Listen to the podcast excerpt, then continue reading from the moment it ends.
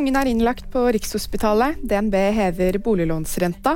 Og det har i dag blitt inngått en historisk avtale i Canada. Kongen er sykemeldt og innlagt på Rikshospitalet. Kong Harald har fått påvist en infeksjon som må behandles med intravenøs antibiotika, og vil derfor bli værende på Rikshospitalet i noen dager. Kongehuset opplyser at tilstanden hans er stabil. DNB er første storbank som hever boliglånsrenta.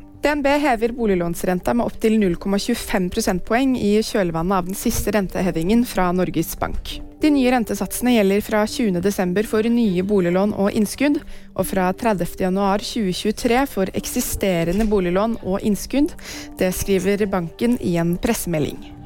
Verdens land har i dag blitt enige om å beskytte hav og land fram til 2030. Denne avtalen omtales som en historisk avtale som ble forhandlet fram på naturtoppmøtet COP15 i Canada. Forhandlingene har pågått i fire år, og målet med FNs naturtoppmøte var å endelig vedta et rammeverk for globalt biologisk mangfold, en Parisavtale for naturen. VG-nyhetene fikk du av meg, Ingrid Alice Mortensen.